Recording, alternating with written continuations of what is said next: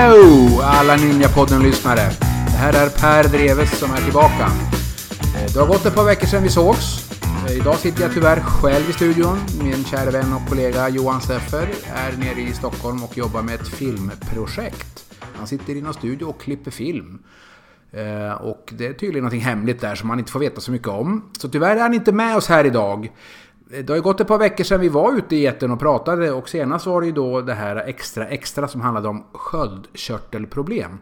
Ett, ett, ett, väldigt eh, ämne, ett ämne som berör kan man säga, för vi hade en enorm lyssning på det här avsnittet. Vi bjöd ju in då Gunilla Saupe som är väldigt kunnig i området, som är legitimerad läkare. Vi hade Nadja Öström som var före detta ordförande. Och så hade vi då Anneli eh, Larsson från sköldkörtelgruppen i Söderhamn.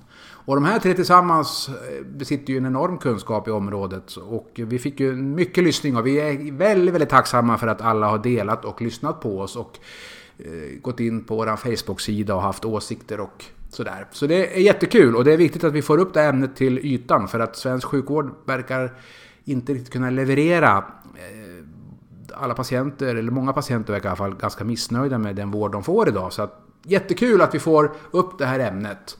Nu har det gått ett par veckor som sagt sedan vi var ute i etern och jag har varit ledig och Johan har väl mest jobbat så vi har inte kunnat spela in något nytt Ninjapodden-avsnitt. Utan idag ska vi faktiskt få hålla till godo med eh, ett avsnitt från våran systerpodd som då Johan Seffer givetvis är inblandad i. Han är inblandad i det mesta verkar det som. Eh, och där har han och Erik Hörstadius en podd som heter Tjockispodden. Där de har faktiskt bjudit in eh, Bingolotto och Rickard Olsson. Han jobbar ju med just Bingolotto just nu. Han gör väl det mesta annars inom TV. Så jag tänkte att ni ska få lyssna på det tills våra andra avsnitt eh, dyker upp. Vi har massor med grejer på gång här i Ninjapodden. Vi har en professor som vi ska bjuda in. Intressant sådan. Eh, vi kommer att ha lite projekt på väg in mot Hälsingland. Vi kommer att prata mer sköldkörtelproblem. Och ni får gärna skriva in till vår Facebook-sida och ja, önskemål eh, tar vi gärna emot om ämnen som ni tycker att vi ska beröra, dyka ner i, besöka och så vidare. Så hör gärna av er. Men nu får ni lyssna på Tjockispodden med Erik Hörstadius, Johan Seffer och Rickard Olsson. Så hörs vi snart igen. Hej på er! Hej hej!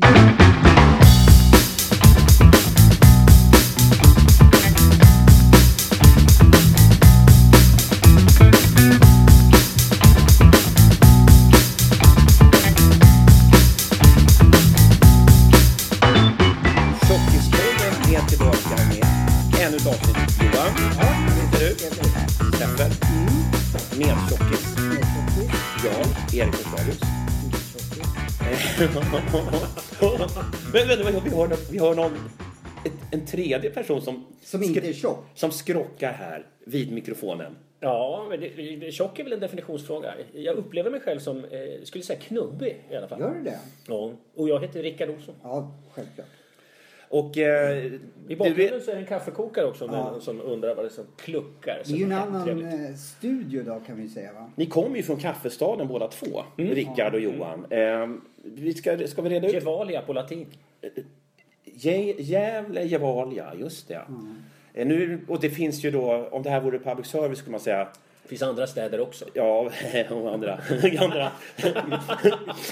äh, men andra kaffesorter i alla fall. Jo, och vi, vi ja, den här Tjockispodden, vi bjöd ju in dig Rickard. Du är kompis med mig och vi gör tv ihop ibland. Det- nu- Just det. I sommar kommer vi göra Sommarkväll. Eh, med, sommarkväll med Rickard Olsson. Jag är redaktör och du programledare. Det har vi gjort flera år i rad. Och sen känner jag Johan sen gammalt. Ja. Eh, I, I nöd och lust kan man nästan säga. Ja, vi har ju... Vi tre spelar ju faktiskt fotboll tillsammans ibland. Vi där- Vi, vi tre. Ja, jag, i för-laget där. var du med i Ja. Ja, några, Allstars? någon, någon sån här jippomatch i Norrsundet Ja, när- men då var jag utanför med. Men Gävle. Rickard har varit med varje, varenda år så det var därför Ja. jag tänkte ni måste Ja, spela fotboll Ja, nu. precis. Då kände inte vi varandra, jag och Rickard. För att vi, Nej. vi, vi var så här... Vi, vi, jag tyckte väldigt mycket om Rickard och Tilde de Paula som, som duo i TV4s morgonsoffa tror jag Just det, var. Nyhetsmorgonen. Lite grann som att mina fans, eller mina största, liksom, de som jag tycker är allra bäst nu, det är Steffo Törnqvist och Jenny Strömstedt. Men ni hade också det här fina samspelet. Och Mm. då fick jag liksom en allmän respekt för dig som bra journalist. Och så hejade vi trevligt på filmpremiärer och sådana saker. Just det. Jag- ja. Och också på några, några sådana här kändisfester och grejer. Här. Och sen kom vi att jobba ihop eh, senare och har blivit vänner och så. Men, men den här fotbollsmatchen har jag försökt förtränga för jag har aldrig varit så dålig på fotbollsplan som då. Jag kommer ihåg att jag slog en klackpassning som ledde till, eh, alltså eget, nära eget straffområde som ledde till att motståndaren gjorde mål. Jag var svårt orörlig, delvis för att redan på den tiden, det här var skift, det här var 99 eller 00 och så, här, så, så hade jag blivit tjockis och, och jag, jag kommer ihåg att jag skämdes över min insats på fotbollsplan. Över din kropp? Liksom, Nej, då- då var- kroppen inte var din bästa vän, eller? Ja, det, det var väl så att just då, akut var för att jag spelade, alltså, jag spelade så dålig fotboll. Och så kommer jag ihåg att jag tror att eh, olyckan var, kan han ha varit speaker, Ted Åström? Nej, men han var nog med där, tror jag. Ja. Ja, Men nu, nu, ringer det på, te på telefon här. Men, men, men ska, vi, vi, vi låter, vi, däremot kommer jag ihåg vi låter det vara lite live, ska vi låta det ringa ut? Ja, eller? det ja, ringa ut. Ola Lindholm var, gjorde jävligt många mål, kommer jag ihåg, i Norrsundet. Och eh, Peter Sipen var ohyggligt rolig. Han var väldigt snabb också. Han sprang ju som Ja. en gasell. Och så Jag var bara, det det den var bara, andra. så- bara så att jag inte glömmer bort olyckan här då. Kan han ha varit speaker? Nej, han kan nog ha spelat. För att jag har för mig, det var någon, det var någon speaker som... Jag tror det var Niklas Bornegren som var speaker. Som, eh, ja, jag- vet att jag blev hånad i alla fall av någon speaker liksom. Eh, vilket ju inte var bra för självförtroendet. Alltså för min, för min tjockishet och sådär. Om det inte var olyckan ska jag inte hänga ut honom Niklas då. Bornegren var trådsmal så det är mycket möjligt att han Ja. hånade dig för Ja. din eh, övervikt. Eh, och, eh, Vad ska vi prata om idag? Och sen så, men, men var, det- du sa någonting om Ola Lindholm, smal jättebra. jävel. Ja, eh, smal, men gjorde, jag visste inte att han var så fruktansvärt duktig på fotboll. Han är grym. Och sen så var det han, division 3-spelaren, vars pappa var eh, Berenet. Ja, Just Matti det. Bernet. Han, han, han, Brudmagneten på den tiden, Berenet. Tjejerna var ju sån... Han behövde ingen handbollsklister för att fånga tjejerna. Kan man säga. Nej. Ja, just det. Det var... Alltså, alla pratade om honom på den där... Den här liksom, det, var, det var fotboll och det var hotell och det var fest och sådär. Det pratades om Det att han är, ja. han är så jävla snygg och det är så otroligt lätt för honom. Och, så. Ja, det var så också. Eh, och, och, och för, för tydlighets skull så. då. Ja, nu vet jag inte. Jag tror att han är typ så här eh, gift och så. Så jag vill liksom inte svärta ner hans rykte. Men det var så på den tiden. Och Alla har en bakgrund. för tydlighets skull då. Du är inbjuden, Rickard, som eh, vår kompis, som någon som eh, gillar träning. Vi har inte tänkt tanken att, det heter ju Tjockispodden här. Ja. Du är inte inbjuden som tjockis. Nej. men, Nej. Nu, men nu sa du här i början, eh, nästan liksom apropå, vet inte vad, men att du kan- känner dig lite tjock ibland. Utveckla. Ja, men, eh, Eller knubbig. ja, nej, men jag, jag håller alltid på med att jag ska, nu ska jag bli tajtast någonsin. Och jag, men jag har alltid haft också, i, i hela livet faktiskt, någon, någon li- liten form av kulmage sådär. Eh, längst ner vid höften så hänger det över. Eh, hänger över byxlinningen helt enkelt lite grann. Jag ser att ni tittar sådär. Nej, men jag- jag- sitter du... Men, men, Ja, det- men det, där är ju, det där är ju hur man själv upplever Ja, för saker. det kan ju inte hänga över något annat. Det går ju inte. Domkraft och allt. Jaha, du tänker så. Nej, men det, det hänger ju över byxlinningen Ja. lite grann. Så är det. Eh, och jag- jag har alltid någon slags målbild av att jag skulle, eh, ska bli sådär väldefinierad eh, och, och rak i magen. Någon slags, och eh, nu hade jag tänkt när jag fyllde 50, jag fyllde 50 här i februari. Till jag fyllde 50 då jädrar. Nej, så sprack det också. För jag har uppfattat som att du, eh, för du har ju eh, åkt Vasaloppet ett antal gånger. Eh, Nio gånger, tack för att du tog upp det. ja, och... Eh, ja, Och varför, Gö- Göteborgsvarv och Ja. eh, en svensk klassiker. och, och du har ju. New York Marathon. Ja. Men det som... Eh, jag har ju ofta haft Lina uppe utifrån att vi har arbetat ihop och sådär. När, ja, när du har förberett dig för sådana här eh, Mm. utmaningar. Och mitt intryck, och nu testar jag det, det är att du ofta förbereder dig sämre än du har tänkt dig. Alltså du, Mm. den här gången ska jag träna tre, fyra gånger i veckan och komma väldigt väl förberedd. Och så havererar dina förberedelser. Mm. Ja. Och det är någonting som vi också tycker är viktigt i Tjockispodden, det här att ta hand om sin inre tjockis, vilket är, betyder ungefär det som ställer till problem för mig, inre hinder, det som gör att jag inte lever Ja. mitt liv optimalt. Det kan, jag, jag har ju en inre tjockis. Så är det. Eh, och, eh, men jag, jag behöver också de här utmaningarna. Det är därför jag eh, eh, signar upp mig på Göteborgsvarvet och Vasaloppet och sådär. Eh, och jag tror det var därför också som jag blev lite desperat här när, jag inte skulle få åka Vasaloppet för, SVTs räkning. Så bara, nej men fan, då har jag ju inget mål. Alltså så här, eh, och, det är klart, jag hade ju åkt ändå Vasaloppet. Men när man får åka och, rapportera så har man folkets press också på sig. Eh, Ja, för du vilket, har ju då- vilket har varit nyttigt att ha. Du har ju haft ett team med dig då. Ja, precis. Eh, fram till Vasaloppet 2016 då, alltså för ett år sedan. Där du, du live-rapporterade under alla nio milen. Ja. Eh, pratade med, berättade om hur, hur du upplevde loppet och framförallt pratade med massa andra åkare. Ja, det var ju en historielektion om varför vi åker Vasaloppet och man pratade om dans, skrek, skrek danskjävlar för det är danskarnas fel att vi kör Vasaloppet. Eh, och populärkultur och allting sånt. Vem, det var liksom allt man har lärt sig under Vem vet mest kunde man prata av sig på, på tio timmar där. Men, eh, nej, men det är samma med Göteborgsvarvet också. Att, eh, eh, att ha de här målen för att även om man är dåligt förberedd så måste man ändå förbereda sig. Och, och har, har inte jag det målet då blir jag en, en latmask. Och då, Slog du den här Britta som åkte som ersatte Mm, dig? mm. Hur mycket då? ja, en och en halvtimme tror jag. Okej. Vi har faktiskt sprungit ett eh, halvmara tillsammans. Ja, Eller jo. tillsammans, det är kanske att ta i. Det har vi gjort. Och jag hann väl hem och duscha, byta Ja, om. vi skulle ta en öl sova. efter. Vi skulle ta en öl efter sa vi. Och jag ringer dig när jag kommer i mål. Och då, har du, då åkte du båt på den tiden. Mm. Eller på den tiden. Då, du åkte båt från Slussen till där du bor. Mm. På en timme. Och ändå hade inte jag kommit i- in i mål. Nej, jag vet. Men då, på den tiden, det, det här måste ha varit 2008, 2007, då, var ett bra slag alltså. Ja, Jag jag tog var... ju faktiskt Göteborgsvarvet något år på 1.39 Ja. på en halvmara. Det, det, det, det kommer jag aldrig klara igen. Men, ja, ja. 1.39 men det blir alltså, om vi tänker nu, eh, om man håller fem minuter per kilometer då blir det rimligtvis 105, det blir 1.45 så det här var och 1.39 så det blir en ganska bra bit under fem minuter per Ja, kilometer. Precis. Det är ju grymt. På en halvmara. Men, men det är, jag har ingen mål att slå det, men det vore ju kul att göra. Men då var jag i bra slag alltså. Men, men vad är det då som gör... Jag, jag förstår ju otroligt väl varför du anmäler till lopp. Och sen om du dessutom har uppdrag och rapporterar från ett lopp, då är det ännu tydligare. Det, det finns en press. Eh, och det gör träningen roligare. Eh, den dagen eh, ska man leverera. Men det är ändå så att du inte förbereder dig så bra som du borde. Och det kan ju inte vara så att det varje gång att du råkar ut för orimligt hög arbetsbelastning eller skador. Utan liksom, prata om din inre tjockis som, som gör att du inte... Förbereda mig tillräckligt. Mm.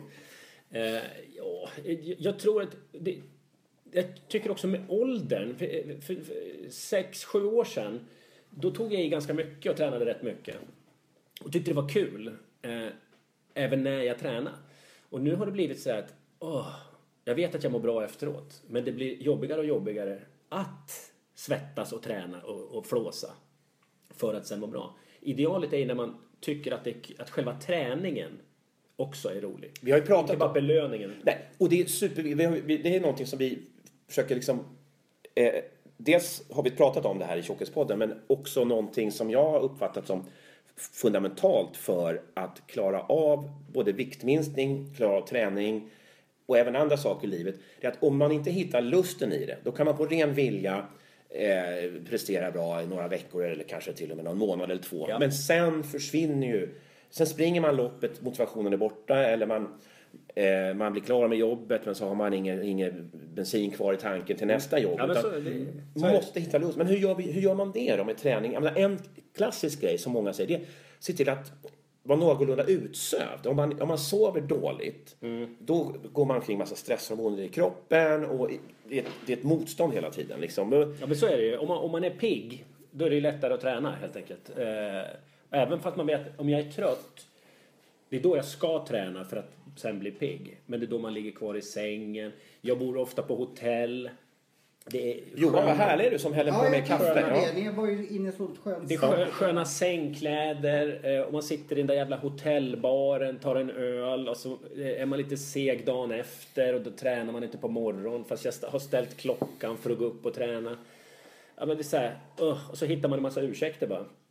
Men eh, eh, jag älskar Arnold Schwarzenegger, han har ett citat som är You can have results or you can have excuses.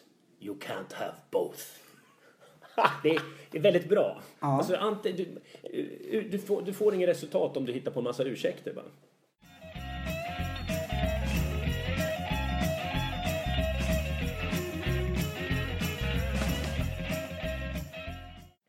Men hur ser en träning, eh, träningsdag ut i ditt liv nu då? Eller hur mycket tränar du? Efter Eh, Vasaloppet? efter Vasaloppet, jag, tror att jag har tränat mycket men jag har inte tränat så speciellt mycket. Eh, jag har kört ett pass med PT och det har jag inte kört på, på, på något år med, med personlig tränare.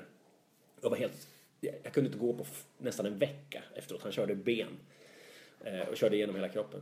Men det, det kan jag ju säga, det är det absolut bästa investering som man kan göra Med PT alltså? Ja, personlig tränare. För då måste man gå dit. Mm. Eh, och, man, och man måste göra de där repetitionerna några gånger till och sådär. Och eh, jag har också förstått att när man eh, blir äldre så är det mycket viktigare att ha muskler än att ha kondition i en, eh, en gammal kropp. Mhm. Lårbenshalsar och, och du ska kunna liksom bära upp det här korthuset helt enkelt. För gå, gå upp för trapporna, det kommer du liksom att orka Mm. om du blir lite flåsig. Men, eh, men muskler är, otroligt viktigt. Är du en sån som stakar i hela Vasaloppet eller? Nej, nej, nej, det går inte att göra. Det går inte. Men alla... Nej, men det är många som, många som tror det. Eliten, Även ja, eliten, det- eliten klarar jag. av att staka, men eh, de som är alltså elitmotionärer som Mm. tror att de kan staka, de har ju eh, blivit diskade, många av dem.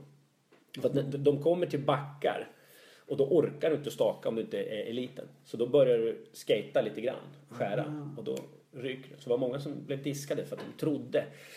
Och det är väldigt vanligt bland unga män att man eh, en övertro på sin kapacitet. Det var ju något Göteborgsvarv också när jag tror det var så här 20-30 män. Det var bara män som fick åka till sjukhus. Det var svinvarmt den sommardagen. Eller vårdagen. Och de drack inget vatten och så skulle de springa så fort som möjligt. Eh, Vissa och, dör ju på de här... ja, nej, men det, det, det var helt... Det var, om du tänker det... Ja, du är från Gävle. Om du tänker dig Lucia-vaka i Gävle på 80-talet när folk hade druckit för mycket Tinave och gick och ving, de vinglade in i lyktstolpar. Till Nave, är det ett sånt här billigt vin Ja, eller? precis. Ja. Typ Vin och Tinto Ja, liksom. precis, Ja. exakt. Eh, Eger i ja, men Falsterbo. Det var som en jättestor fyllefest. Eh, fast det var liksom eh, unga män som hade sprungit sig Hur skulle du gå för, vad tror du, hur skulle du gå för Erik och mig i Vasaloppet? Eh, Jag pratar nämligen jättemycket om att åka Vasaloppet, både jag och Erik tillsammans. Jag tror att det skulle vara bra för era kroppar eh, att åka Vasaloppet. Eh, just, för att, ja, men just för att det är skonsamt med skidåkning. Eh, om man är tung så slår man ju i backen mycket hårdare i varje fotsteg om, när ni ska springa. Mm. Men det är mycket mjukare att åka skidor. Men så här Så då. att, men sen du beror det på om ni har... Jag tror att ni skulle ta er igenom det. Eh, Det beror på eh, om, om ni har åkt mycket skidor som barn och har hyfsad Mm. teknik. eh, Då kan man kompensera tekniken med en bristande kondition. Det är precis det jag gör. Så, eller så måste ni ha väldigt god fysik om ni har dålig teknik. Sen kan man ju kombinera dem där också. Det är, det är det Alltså för, för mig så är det ju bara intressant att försöka mig på sådana utmaningar om jag också har tid och tillräckligt oskadad att förbereda mig. För att nu, nu, är jag helt säker på att jag inte skulle klara Vasaloppet i dagens form. Alltså det, det, jag, har inte, jag har liksom inte den talangen för uthållighetsprestation. Jag må- längre, för du har ju sprungit många marar. Ja, men då har jag, varit, för- då har jag förberett mig också. Jag har, ald, jag har aldrig sprungit maraton utan att ha kanske 10-15 långpass, alltså minst 16-17 kilometer. Plus en grundträning. Jag, jag, jag, det finns ju folk som är, eh, naturligt bra på att springa och jag, jag tillhör inte dem. Eh, så att jag måste, jag måste förbereda mig. Men det är också så att det skulle vara lite ointressant att göra det bara på talang. Liksom. För då skulle jag undra, hur skulle jag klara det här om jag tränade? Men så Vasaloppet, eh, Tjockispodden har ju sagt, vi har ju satt som mål att vi ska klara Lidingöloppet i år. Eh, och klarar vi Där blir det... nedförsbackarna jobbiga för er. Ja. Men, Men då kommer vi inte se ut så här. Då kommer vi vara väldigt... Då är ni tajta. Ja, Ja. ja. Nej, men för att, eh, nedförsbackarna kan jag berätta i, i Lidingöloppet är de värsta. Eh, även för mig. Och, och jag kan tänka mig om man är tung då. Det heter ju trots allt Tjockispodden det här. Eh, så då kan vi säga. Eh, då, då blir ju varje steg blir otrolig påfrestning på knäna. Så det, eh, Ja, det, märk, det märkte jag när jag sprungit längre sträckor. Att, att, att det är otroligt jobbigt att springa ner, som inte jag trodde att det skulle vara. Nej. Eh, Det, det tar ju nästan mer att springa för mig nerför backarna än, än uppför backarna. men hur går det då? Ni har ju hållit på, ni har ju målet Lidingöloppet och så har ni kört den här jag ska bara fånga upp det här med Vasaloppet. För att ehm, det är...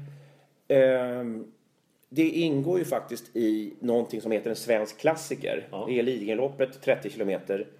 Eh, som vi hoppas klara av i slutet av september. Vasaloppet vill jag göra någon gång. Mm, det Det ska är man göra. nio mil. Du kommer att gråta när du kommer in till Ja, jag, jag har ju förstått, alltså jag har sett dig när du har, har åkt då med, med, med Mm. som i kamerabevakning och min mamma har åkt öppet spår. Hon, Det var hon som fick mig att springa maraton. Hon sprang maraton tänkte jag, alltså på 80-talet tänkte jag, kan mamma, kan jag? Hon har sagt att det är, klarar man maraton så klarar man Vasaloppet har hon sagt. Ja, det- Eh, Och sen så är det Vansbrosimmet, tror jag, tre Ja. kilometer. Som känns som en baggis. Jag, jag, jag, jag, tycker inte att det är jobbigt att vara i vatten. Vattnet är ju ditt element. Ja. Och sen så är det Vätternrundan. Mm. Men jag, jag cyklar ju, jag cyklar motionscykel men jag cyklar aldrig i, eh, i eh, trafik. Men jag tänker mig att det kan inte vara speciellt svårt att träna upp sig på, på cykel. Men så Vasaloppet. Men när du kommer ner Mm. mot Jönköping i backarna där och du börjar komma upp i 60, kanske 70 km. Det är, Mm. ja, uh. Alltså, då, då, har du åkt Vätternrundan? ja, jag har kört en klassiker. Jag körde Vättern. Men, men jag skulle ju aldrig våga det är susa ner för en för mig. backe 60-70 Nej, men km. det är det som är liksom folk... Vroom, vroom, Oh. De åker runt omkring dig. Du ligger liksom väldigt tight mellan två och så ligger du i en enormt hög hastighet.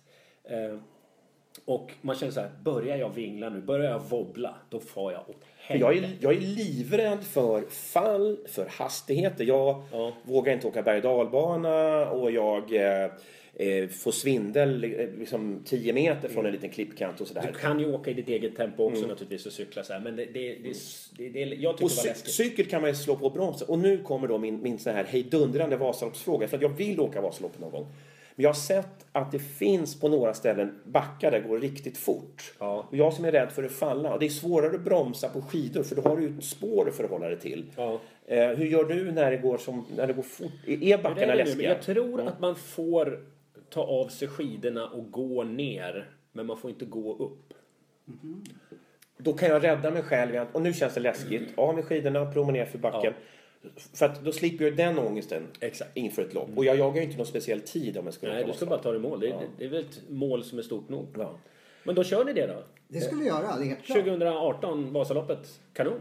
Vänta nu, måste tänka här. Alltså, det, Det blir det, nästa Vasalopp då. Ja, nästa Vasalopp. eh, Ni har ett år på er. Erik, kom igen nu. ja, men det blir handskak på det då. Vi, vi tar ett handskak på det och sen eh, får vi sätta igång en gitarrjingel.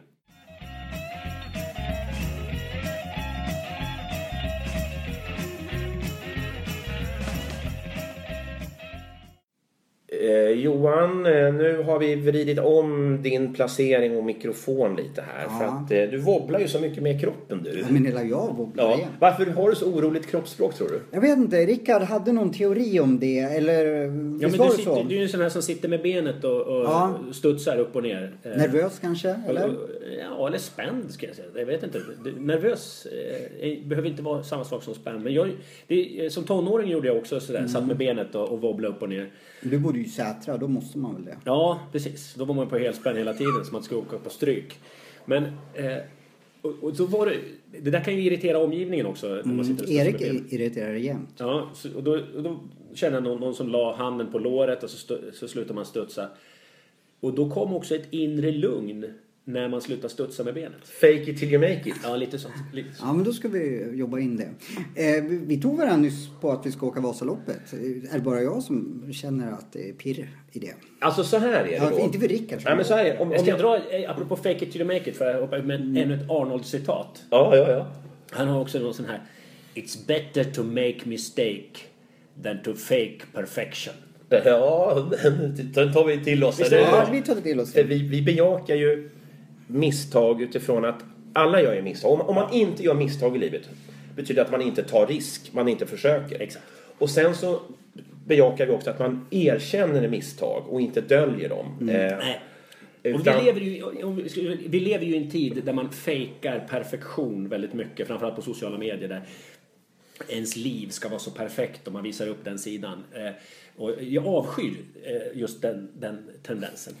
För det gör andra rädda att eh, visa upp någon slags baksida, visa hur livet egentligen Det här är, kan jag tänka mig, en, eh, en stark ond kraft i vår tid. Vi, vi vet ju inte riktigt hur, hur mänskligheten, alltså när vi skriver de historiska överblickarna över hur mänskligheten anammade sociala medier och så. Men det är ju en sån otrolig arena för jämförelse. Och mina, mina döttrar som är 14 och 17, de, har- de har ju liksom, det är ju en konstant i deras liv. Och jag är självklart rädd eh, att de ska jämföra sönder sig själva med, med kompisar. Och samtidigt så tror jag att det finns också motstrategier så att det, det är inte så enkelt som att, att de blir bara liksom offer för de här nya medierna utan det finns också en massa eh, subtila motkulturer som bildas och så. Men, men den här... Men det där har jag tänkt på. Jag har ju också en dotter. Och du har ju också eh, döttrar. två. Eh, man, pratar väldigt mycket om att man vill uppfostra en självständig kvinna. Så här, stark och självständig kvinna. Och samtidigt så märker jag hur eh, eh, många föräldrar säger till sina framförallt döttrar, ska du gå ut sådär? Ska du verkligen ha den där? Du, du ser ut som en hora eller du, en sån där kort kjol får du inte ha. Så här. Hur fan ska man kunna få en självständig, stark barn när man hela tiden kritiserar hur de, hur, att, de- att de är för vågade eller för, för drastiska i sina kläder? Eh, så kan ni ta till er Ja. fundera över. Ja, nej men... eh, Och, och, Men vad jag skulle fråga er. good point. Just, just det... Jag som är så... Just det problemet har vi inte hemma. Nej, och jag har för att inte heller det. Men, men jag tycker, jag tycker det är jag bra. märker, märker att det är många som liksom... Det- det just tjejer råkar ju ut för det. Vi hakar på en tanke som jag har också just att det är så otroligt många idéer om hur en självständig kvinna ska vara. Ja. Och, jag menar, jag tror till exempel att det här att man ska, eh, det, det, är stränga krav på att man ska kunna kombinera att vara småbarnsförälder med karriärliv. Och Sverige är ju på många sätt ett bra land för det med, med, med, med väl utbyggd barnomsorg och sådana saker. Men det är ju nästan så att eh, man säger till en kvinna som, som tar det lugnt två, tre år för att vara hemma med barnen att, att hon, hon liksom går emot idén om jämställdhet. Men en jämställdhetsidé värd något måste väl också innefatta att man kan kliva tillbaka från karriären. Ja, Man som kvinna. Man har en Eh, egen vilja. Ja. Men hur upplever ni det då, med, om vi tar Arnold-citatet, att göra misstag än att fejka perfektion och att vi lever i en värld där man ska, man ska ju, det finns ju inte bara ett ideal hur man ska leva sitt liv utan även hur man ska se ut. Mm. Och jag, jag, har, ehm, jag har ju haft... nej mitt grundutseende, så tror eller ej, men jag gillar mitt utseende väldigt mycket. Jag, jag var på en fest häromdagen. Det var Johan Norberg, eh, den liberala idédebattören, författaren, var releasefest på hans otroligt spännande bok eh, Progress, eh, framsteg på svenska. Som handlar om att världen i många avseenden faktiskt blir bättre. Trots, och, och, och också att vi ser världen som problematisk. Dels beror på att problem blir så mycket mer välbevakade när alla går omkring med en iPhone och kan filma om det händer någonting dåligt. Alltså om någon, någon IS Ja, men det var Hans Roslings tes Ja, ja, lite så, Världen blir bättre.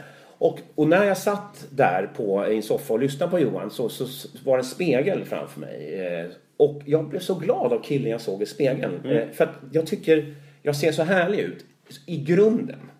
Men jag har i hela mitt liv egentligen haft eh, lätt att lägga på mig och svårt att gå ner. Eh, och det finns ju egentligen För de som inte har sett dig då, ska man säga, du har eh, lite Cornelis Vreeswijk-kropp. Ja, Skulle jag säga. Ja, och de som inte känner till Cornelis Vreeswijk, han dog Ja, ju trots får- allt för 30 år sedan.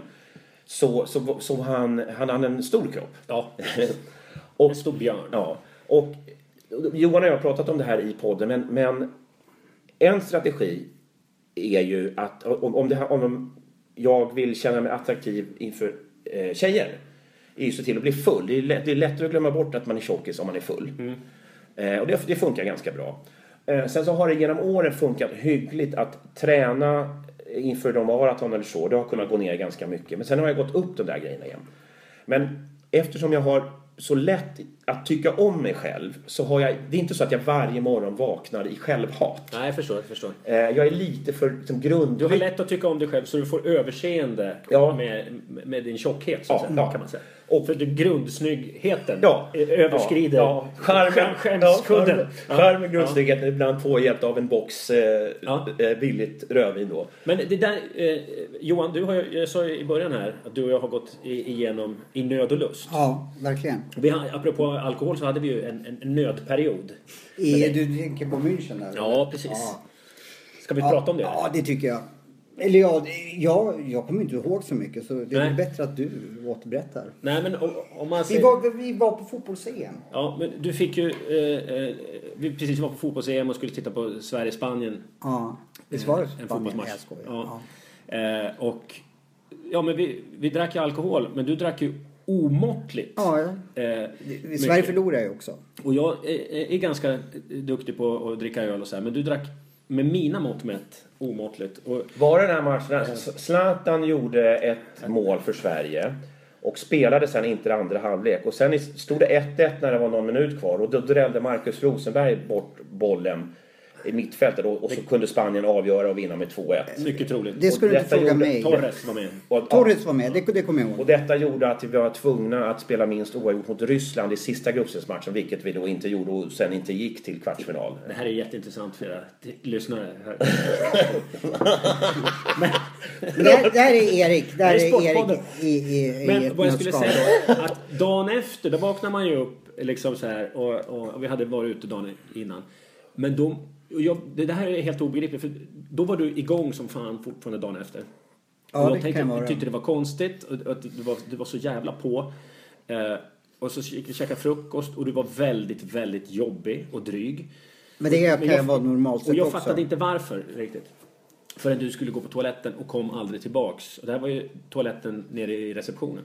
Ja, Och eh, jag går in på toaletten och ska titta. Då ligger du på golvet. ja, jag Avsupen helt enkelt. Ja. Dagen efter. tog en powernap. Nej, men jag var ju så packad då så jag Eh, inte och sen fortsatte det där på eh, flygplatsen. Och och jag var så förbannad. Ja, precis, jag var vet helt tokig.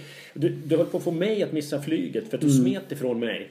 Mm, Jag satt ändå på Och planet. precis, du smet ifrån mig och jag gick och letade.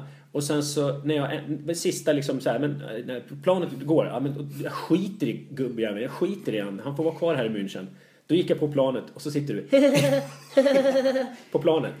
Nej, för fan. Och då bröt, jag, bröt vi kontakten. Ja, ett tag ja. Eh, Var det före eller efter Sune förresten? eh, det var efter tror jag. Ja. Förklara bara före eller efter det var en Sune. musikal som jag var med som Rickard- Johan gjorde. Eh, Spelade en roll, vad hette han? Ola. Ja, någon programledarkille. Ja. Och det var någon show som du producerade. Ja, Sune på Göta Lejon hette. Men var du medveten om Johans alkoholproblem då, när det här hände? Nej, men då blev jag det. Eh, och då eh, pratade man med andra som kände Johan och som bekräftade hela Men, men du, bilden. du måste väl ha varit med, eller märkte inte du det, det under Sune-repetitionen? Jag kunde ju eh, stappla Nej. in det full ibland. Nej, men jag var nog lite godtrogen då. Okej, ja, ja. Eh, så. Men sen så åkte du in på rehab. Yes. Men var, var din tjockhet en anledning till att du började kröka? Nej, det var det inte. vi var inne på det Ja. lite grann, det Erik sa, att man glömmer liksom bort att man är tjock. Ja, är ja. lite Alltså, jo. Det, alltså det var ju inte... Om du går in och möter ditt inre Ja. luder nu, och är helt ärlig. Eh, delvis, men det, jag tror att jag föddes som al- alkoholist och att det var liksom Mm. Förutsättningarna gjorde att jag, jag, jag ham- hamnade där jag hamnade. Men jag kan hålla med Erik om att eh, eh, man kunde supa sig snygg. Mm. Eh, nu söper jag ju liksom professionellt. Liksom, så jag söper ju inte för att åh, nu ska jag gå ut och se snygg ut. Det har, det har hänt. Så, så jag förstår verkligen Eriks poäng där. Att, att eh, man tycker ju att man ser jävligt bra ut när man är packad. Eh, men eh, alkoholismen, det är ju en annan sak. Det är en annan sak. Jag, jag måste, måste bara Ja. småjustera den. Det, det är inte så att oj, jag super mig jättesnygg. Utan, utan det, Man glömmer bort att man Ja, är så- lite så. Man, man, Ja, man, ja. man är lite mer Ja. Oblyg, oblyg ohämmad och så. Det, det är inte att man blir helt dum i huvudet när det gäller självbilden. Men, men man, man, det är lättare att närma sig andra människor. Och, eh, och För så. mig var det helt klart så att jag tyckte att jag var... Du sa ju att jag var dryg. Jag tyckte ju inte det. Ja, du tyckte det var roligt? Ja, jag tyckte att Det det, var skitrolig. rolig, skitsnygg. Och när jag slutade dricka då, då trodde inte jag ett tag att jag skulle någonsin kunna närma mig en tjej. Bara för att jag tyckte att jag inte kunde prata. Jag Mm. tyckte att jag, eh, ja, att jag var ful helt enkelt. Mm. Eh, men det var ju också lite fel.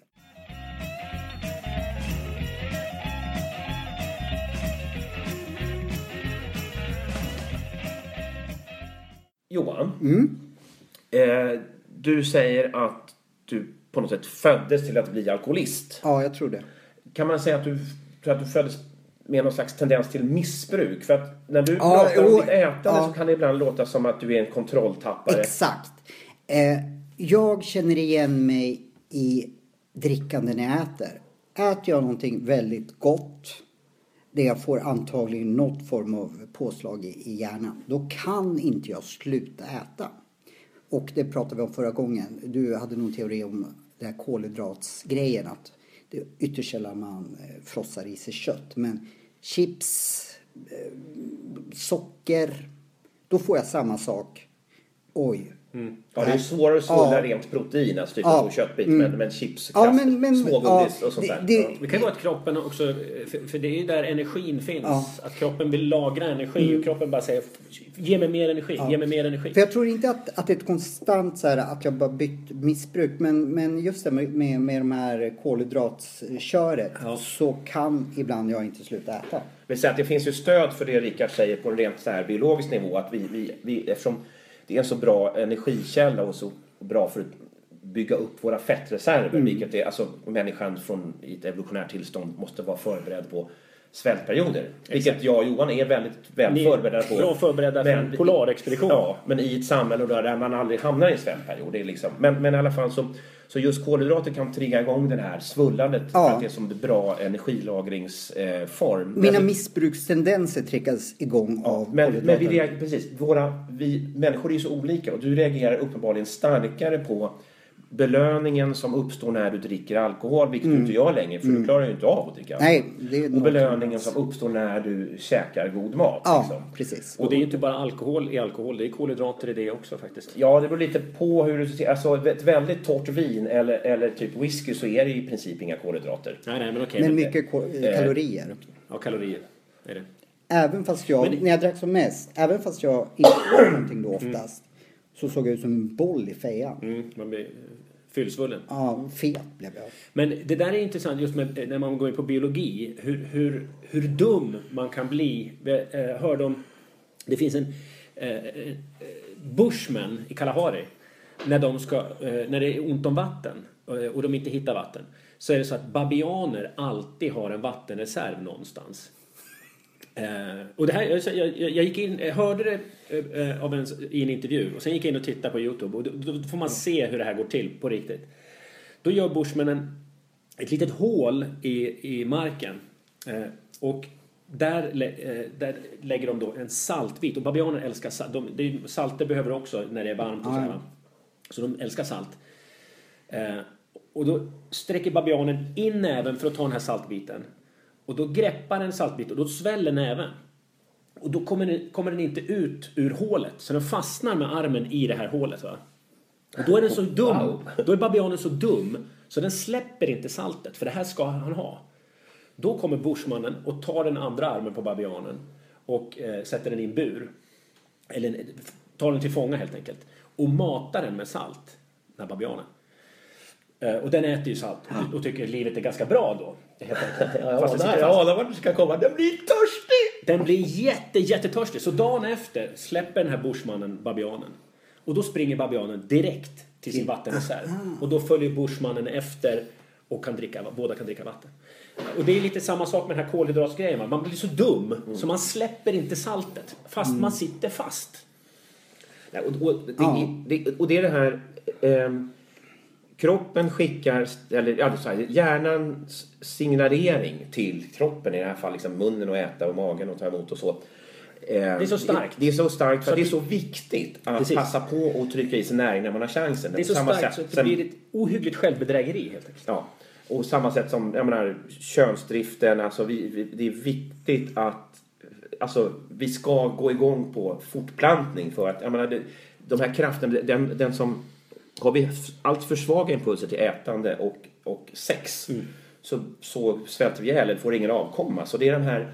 Det, det, evolutionen har liksom selekterat fram individer med hunger och sexdrift. Och sen är vi lite helt lika då så att eh, vissa har liksom ännu mer. Men Och ännu mindre som du Erik. Ja, det, jag är, har inte riktigt jämfört med någon på det sättet. Vi kan konstatera att, att jag, har ju, alltså jag känner ett starkt glädjepåslag av ehm, eh, lite konstig stämning. För Johan syftar tillbaka till ett poddavsnitt vi gjorde för fyra, fem veckor sedan. Men jag orkar inte påminna Nej. lyssnarna om det. Eh, men eh, jag känner ju tror jag, ett större glädjepåslag än många av alkohol. Jag har ju varit och tassat i alkoholismens utemarker. Vill jag. Alltså, 2002 kommer jag ihåg att jag hade ett eh, Eh, jag kunde tänka på alkohol bara mitt på dagen och känna ett litet sug. Eh, och på ett sätt som var obehagligt. Alltså jag, jag kände en inre alkoholist växa fram.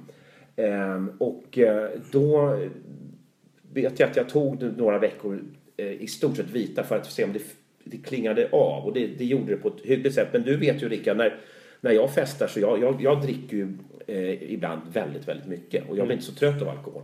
Så att jag känner ju igen det här. Liksom. Men sen har jag inte hamnat i sociala problem på det sättet som, som Johan gjorde. Men, men eh, bara om vi ska fullfölja den här. Ja. För inte att Johan ska vara den ensamma alkisen här. Jag, Ja. jag är lite grann... Tappar du kontrollen över ditt drickande ibland skulle du säga?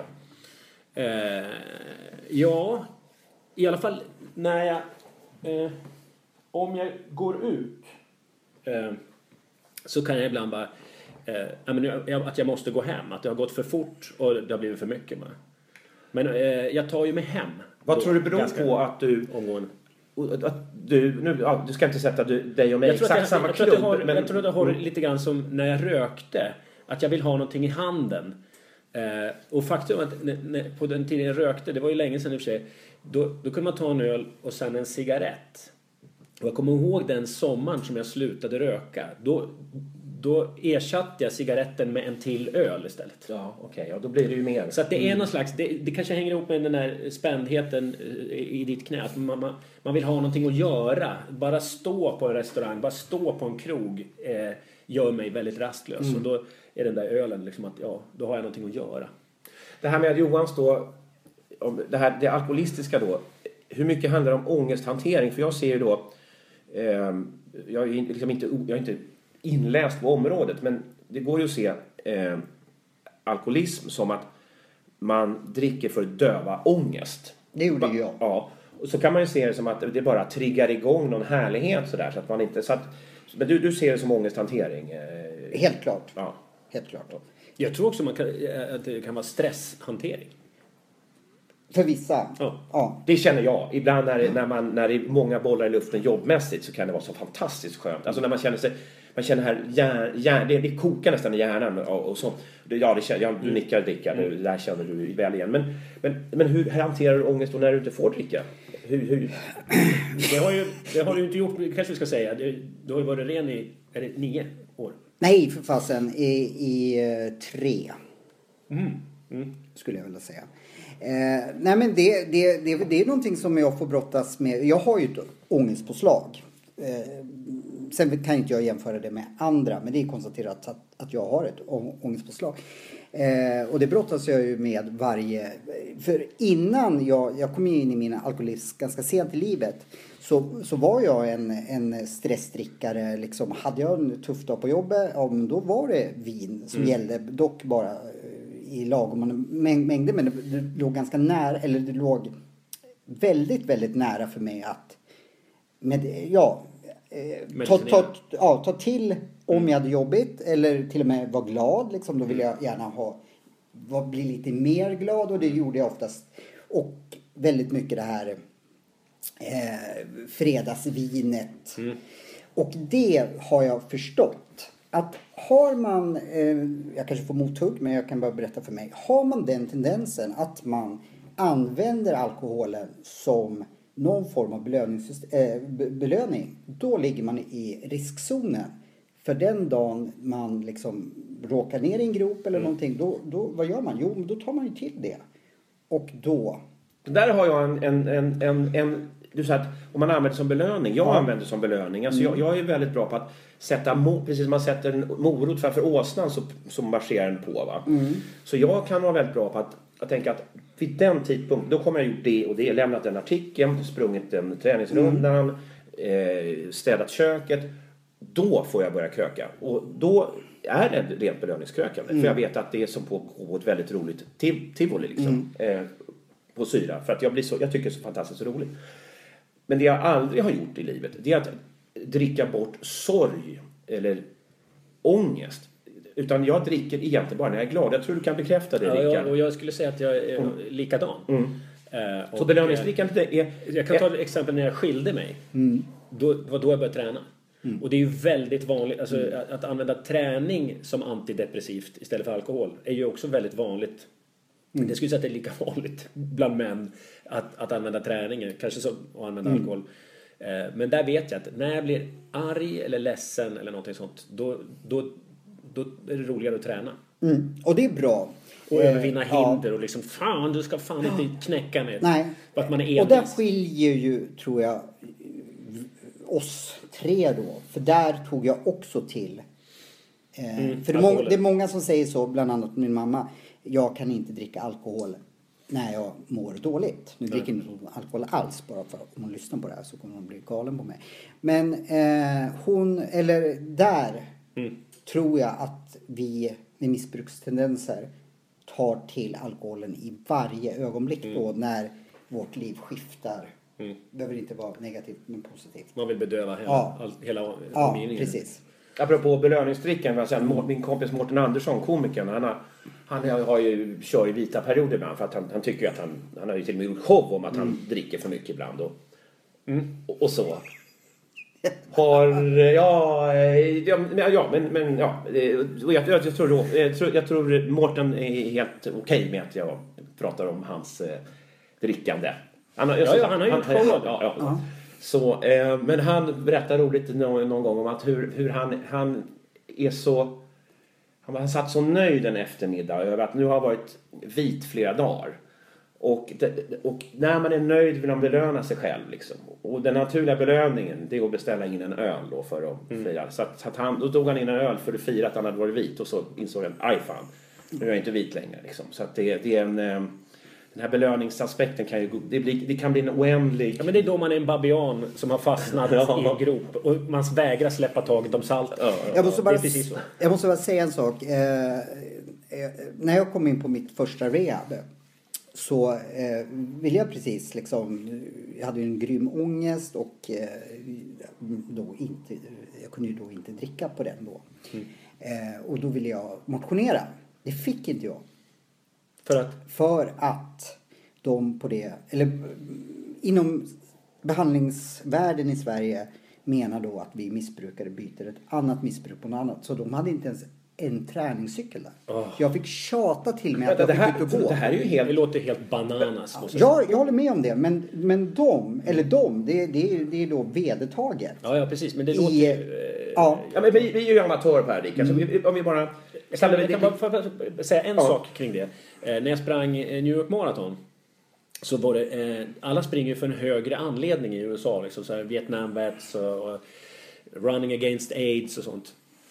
Då var det väldigt många, som det stod på ryggen, så här eh, Turning addicts into athletes. Och då, då var det ju att man ville byta beroende. För att vara, alltså det är en sak att, att eh, få belöning av träning men du behöver ju inte bli träningsnarkoman för det. I mitt fall, jag Skulle jag hellre vara, liksom byta Det det, rakt, rakt utav. Det. Och jag förstod inte det. Jag levde ett jäkla liv. För jag fick, liksom, jag fick tjata till mig att jag fick börja springa. Mm. Men eh, jag antar att man menar då att om du blir då träningsnarkoman ett tag så är risken att du byter tillbaks till beroende Antagligen. Det, det, jag inte tror att det man- måste finnas en högre tanke Ja, och, och det, jag menar, det det var det jag menade med lite där, alltså att vi, vi ändå är amatörer på området. Det måste finnas någon intelligent tanke bakom. Ja. Det, man, det, gör liksom intellektuellt uppror mot hela, hela idén när man Mm. hör den. Men för att jag, jag blev...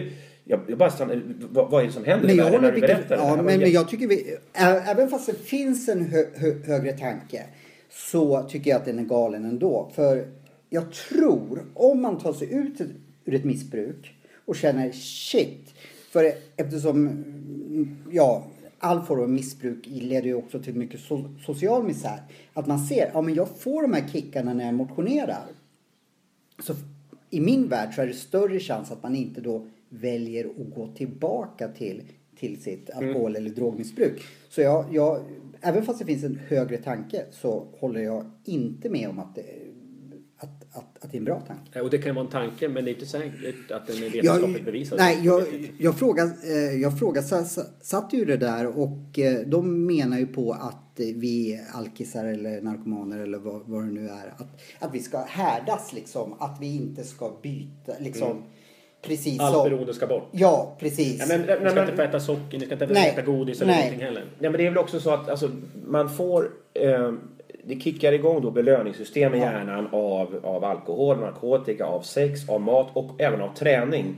Så tanken här är väl att, att man ska klara av att inte, vara, att, inte, att inte få belöningskicken via alkohol ska inte ersättas av annan belöningskick utan man ska kunna eh, avstå från alkohol utan att ersätta med andra belöningskickar. Och när man har klarat av, klarat av det några veckor eller månader då, är man, då, då kan man växla in på ett annat spår. Ja. Så, vi, Men kan man säga då, det här är ju bara då fysiska belöningskickar. Som så här. Men eh, många av de här behandlingsformerna sysslar ändå med andliga belöningskickar. Så man ska tro på någonting högre. Tro på, Ja, det är väl man också pratar en om- form av beroende. Ja, man kunna säga. och alla alkisar får ju dessutom benzo när man kommer. Så, så det säger ju emot sig själv egentligen. De skulle i princip Ja, kunna... det där skulle man vilja gå till botten med. Ja. jag tycker så här att nu har vi ju eh, gäst då för första gången i Tjockispodden. Och eh, vi har ju redan i det här avsnittet skakat hand på att vi ska satsa mot Vasaloppet redan nästa år. Ja. Under ledning av Rickard. Eh, och då kan vi väl halvskaka hand på, du och jag Johan, att vi bjuder in någon beroendeexpert ja, till Tjockispodden så småningom. det tycker jag verkligen. Eh, och vi har här myst både brutto och netto med vår eh, vän och eh, lite lätt kan man säga träningsguru då också. Guru tycker jag var... Rickard. Kan vi inte sikta på att springa ett lopp inom eh, ett par månader? Ja, du, Jag du ska alltid vara så exekutiv och jag, jag förstår. För Göteborgsvarvet. Nej, det, det, det, det blir inte du på vill ha, ni, ni är rätt lika där. Ni vill, ni vill ha det här loppet att tänka Jag. Ja. tycker, vet du vad jag tycker ni ska göra i väntan på eh. Lidingöloppet? Ja. Nej men eh, varför kör ni inte Vansbrosimningen då? Den ligger i sommar. Det tar en, ungefär en timme att simma. Man, eh, Om halva man lopp- kan kråla, ja. Jag Nej, kan inte Du kråla. behöver inte kunna kråla. Du behöver inte alls kunna. Halva loppet är ju för fanken medströms. Så jag kan ligga och flyta på mitt spektrum. Precis, du kan ligga och flyta på rygg och spruta vatten upp som en valross. Som Du och jag. Rickard, vi har ju faktiskt vi har ju erfarenhet av långsimmare. För att i Sommarkväll med Rickard. Olsson, 2014 års upplaga, då hade vi eh, som stående inslag i varje program eh, Jonas Kolting, Mm. som ju då är föreläsare och före detta eh, elitidrottsman, i stort sett elitidrottsman. Har lagt av alltså? Ja, men han, han Mest tävlar liksom, han, han är ju bra bit över 40 nu så att, så att han är han är på en ett extremt hög nivå men han tävlar liksom inte VM och EM och sånt. Men han är triatlet då. Men han simmade från Stockholm till Göteborg via Göta kanal och Vänern och Vättern och grejer. Och totalt simmade han drygt 60 mil tror jag utspritt på en dryg månad. Eh, och eh, Han grät på slutet på riktigt. ja, Ville lägga av de sista två dagarna. Bara, jag skiter i det, pallar. Och han, har ju, han, han gör en inspirerande podd som heter Koltings nakna sanning. Eh, som jag ofta lyssnar på för att, för att få liksom inspiration. Men han tar också upp simning som, som det, den är så härlig för att man blir inte skadad av simning. Eh, man kan hålla på länge. Nu, nu just hans, han kör ganska intensiva simpass för att han har så bra teknik, funktionell teknik. Och jag, jag är som Johan, jag kan egentligen bara simma bröstsim. Men ni ska, säg bara att ni ska köra Vansbro. Eh, ja, det ska, det ska kollas datum och sådana saker. Alltså, eh, så att vi Det vore kan... perfekt för er. Ja. Kan du kråla? Ja, men jag behöver inte kråla eh, på, på Vansbro. Jag gillar att snorkla, så att jag, om jag kör Vansbro ska jag snorkla med igenom. Eh, för att jag tycker det är kul att titta på, på, på fiskar och sådär. Så att eh, om det stämmer med min eh, kalender Ja. så kör jag Vansbro. Men jag vågar inte skaka hand på det. Nej. För att det känns... Men ett millopp i maj då? Ja, jag ska springa halva... halva Ja, ja, alltså, alltså nu menar inte jag på något sätt att inte du skulle kunna Nu klara känner av jag hur det. vignettmusiken börjar smyga Ja. igång här. Nej, och men- vi tackar Rickard för... eh, Ja, tack så mycket. Ja. Tack, tack. Eh, Tjockispodden kan man ju skriva mail till också. Ja, och Tjockispodden podden at gmail.com.